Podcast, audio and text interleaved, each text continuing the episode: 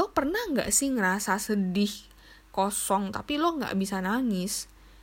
Jadi gue sedihnya tuh bertahap gitu loh. Dari hari minggu sampai gue take podcast ini hari selasa tanggal 29 September gue kayak masuk fase sedih dan tertekan dalam satu waktu tapi nggak bisa nangis gitu. Gue inget dong soal nenek gue yang minta pulsa itu gue langsung kayak anjir gue pengen balik ke masa itu. Gue tarik kata-kata gue gue pengen tarik kata-kata gue gue nggak mau ngomong kayak gitu. Tapi anjir udah lewat cuy. Gue nggak bisa lagi muter waktu gitu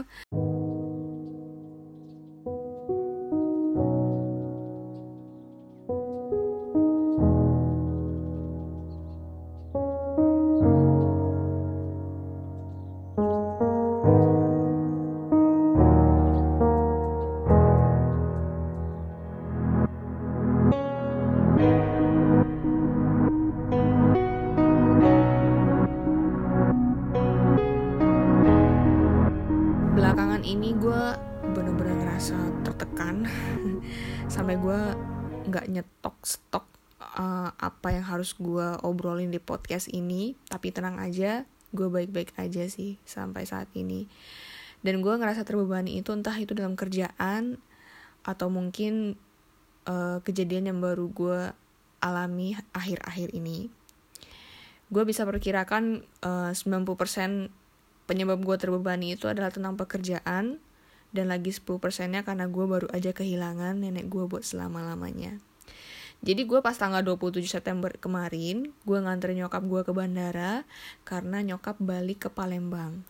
Kehitung sih selama tahun 2020 ini gue udah dua kali nganter nyokap buat ke Palembang dan beliau pulang lagi sendirian dan setiap beliau pulang itu sebabnya pasti karena kabar duka. Waktu akhir bulan Januari itu kakek meninggal karena stroke dan itu beliau udah berjuang selama 8 tahun. Dan di bulan September ini tepatnya tanggal 26 nenek gue menyusul. Jujur gue kaget banget karena gue sempat video call sebelumnya sama beliau itu beberapa minggu sebelumnya. Nenek yang gue kenal ini emang bawel dan seru yang setiap gue ingat ketawanya kayak gimana ngocehnya kayak gimana itu udah berpulang sampai gue rekam suara ini gue sampai detik ini nggak tahu apa penyebab pasti beliau bisa meninggal. Nah gue bakal cerita ini bermula dari mana. Gue itu video call sama beliau. Jadi gue lihat itu beliau lagi rebahan gitu kan mungkin capek gitu kan apalagi di masa pandemi kayak gini bakal jarang keluar juga kan. Uh, apa-apa dibatasi kegiatannya jadi ya rebahan gitu. Cuma bedanya beliau biasanya rebahan tuh kan sambil ngobrol gitu kan ya. Entah kenapa uh, saat itu beliau jadi agak pendiam gitu. Waktu itu gue inget banget kalau beliau itu lagi ngeluh pencernaannya terganggu gara-gara habis makan pop mie pedes doer gitu ya mereknya. Gue kayaknya pernah lihat itu makeup itu di Indomaret atau Alfamart gitu ya gue sih nggak pernah ya makan makanan gitu. Tapi pas lihat atau denger mereknya itu gue udah ngebayangin pasti rasanya itu kayak samyang gitu pedes banget. Kalau nggak salah itu ceritanya kenapa beliau bisa makan itu? Karena itu sisa dari cucunya yang makan pop mie itu tapi nggak habis. Jadi daripada buang-buang makanan kan sayang udah beli tapi dibuang akhirnya dihabisin sama beliau. Dan akibatnya ya itu jadi mules dan gue berpesan jangan makan itu lagi. Aku aja yang seumuran gini aja aku nggak berani makanan itu. Gue kalau pengen makan yang pedes banget asam yang itu kalau lagi pengen banget banget banget sih gue nggak bisa tiap hari atau tiap minggu makan samyang nggak nggak bisa banget karena gue orangnya nggak bisa makan pedes gitu ya.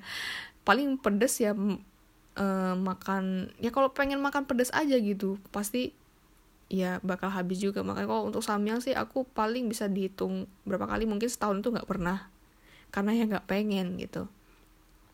Dan di suatu ketika uh, nyokap nelpon nih ke nenek. Terus habis itu kan itu kayaknya kalau nggak salah pas jam makan siang. Gue biasanya jam makan siang tuh pasti pulang ke rumah buat makan.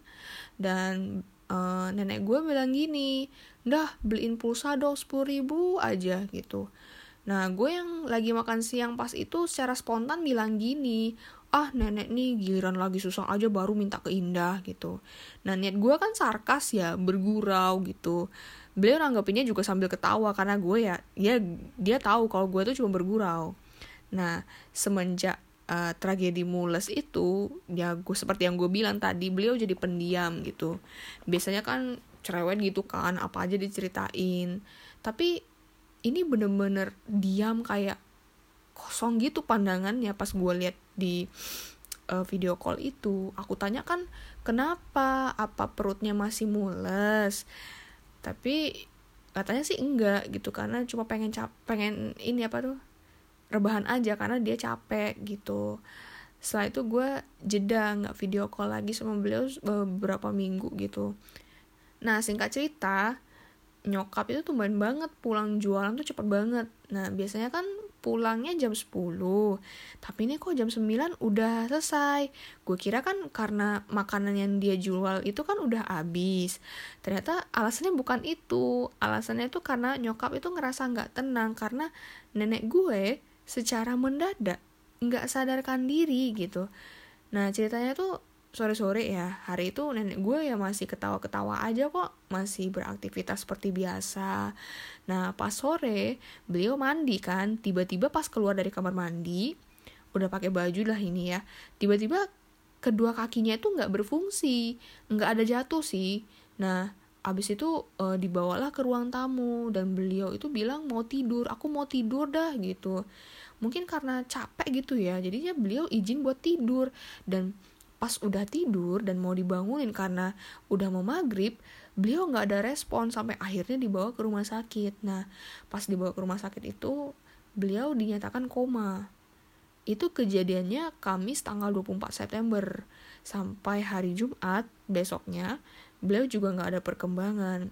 Nah sejak itu gue ngerasa takut aja gitu loh kalau seumpama dapat telepon dari keluarga sana. Sumpah sumpah gue takut banget dan nggak siap buat denger berita jelek. Walaupun ya gue nggak bisa uh, langsung uh, ngecap bahwa apa pun siapa pun yang nelpon pihak keluarga sana yang nelpon itu adalah membawa berita yang jelek. Pasti gue pasti tetap berharap mendapatkan berita yang bagus. Tapi gue nggak siap aja gitu loh. Setiap mereka telepon tuh buat denger berita yang jelek.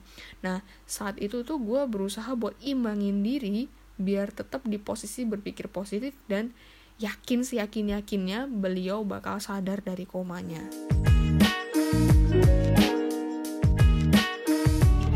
Nah nyokap gue itu minta tolong buat gue untuk stay website tiket pesawat online. Gue udah uh, satu-satunya sih gue ngeceknya di Traveloka ya karena kalau gue buka tiket.com atau situs tiket pesawat lainnya pasti harganya tetap sama. Kalau dibilang harganya lebih murah lah ada apalah ya bohong lah itu cuma strategi marketing doang Nah, gue stay website uh, tiket online itu kan barangkali ada yang murah ya. Ya gimana ya, pas gue cek itu mahal semua cuy. Nggak ada yang murah bagi gue gitu. Ya gue nggak bisa bantah kalau tiket ke Palembang dari Denpasar itu ya emang mahal gitu. Ya paling murah itu 900 ribuan. Itu pun yang low class banget Yang mereknya singa merah itu. Tapi pas gue cek ada sih yang murah. Cuma di masa pandemi kayak gini itu transitnya itu loh beb. Satu hari di Jakarta bayangin satu hari di Jakarta tuh lo ngapain gitu. Terus nyokap gue disuruh rebahan gitu di airport sama satu hari gitu. Atau misalkan nyari penginapan nih mana Jakarta lagi PSBB kan? Iya kan? Yang paling bentar itu yang gue temuin ya di situs tiket pesawat itu ya 4 jam. Itu pun harganya 2,6 juta bayangin. Gue langsung aduh 2,6 juta kok. Aduh gimana ya? Ya gue mikir kalau se harga segitu ya kalau nggak pakai transit sih masuk akal ya. Biar langsung gitu loh dari Denpasar ke Palembang. Tapi ini pakai transit gitu kayak aduh capek banget nih pakai transit nunggu 4 jam. Kenapa nggak sekalian aja sih? Dan mungkin ini karena alasannya di masa pandemi ini ya jadi pesawat itu tidak disediakan atau ya memang nggak ada gitu. Dan jujur gue belum sanggup bayarin tiket nyokap segitu mahalnya Sebenarnya ini salah satu hal yang bikin gue kepikiran sampai detik ini. Oke, nyokap memutuskan untuk menunda pemesanan tiket. Sampai akhirnya tanggal 26 siang, nyokap gue buka pintu kamar gue kan gue lagi siap-siap buat uh, pergi karena gue udah janji sama teman gue dari jauh-jauh hari buat ketemu karena udah setahun gak ketemu kan ya dan pas beliau buka pintu kamar gue nyuruh gue fixin pemesanan tiket. Gue tanya kenapa? Karena gue udah ngeliat ekspresi dan raut wajah nyokap gue tuh udah merah banget. Matanya beliau udah merah banget gitu habis nangis kayak udah gusar gitu dan posisinya udah udah terguncang.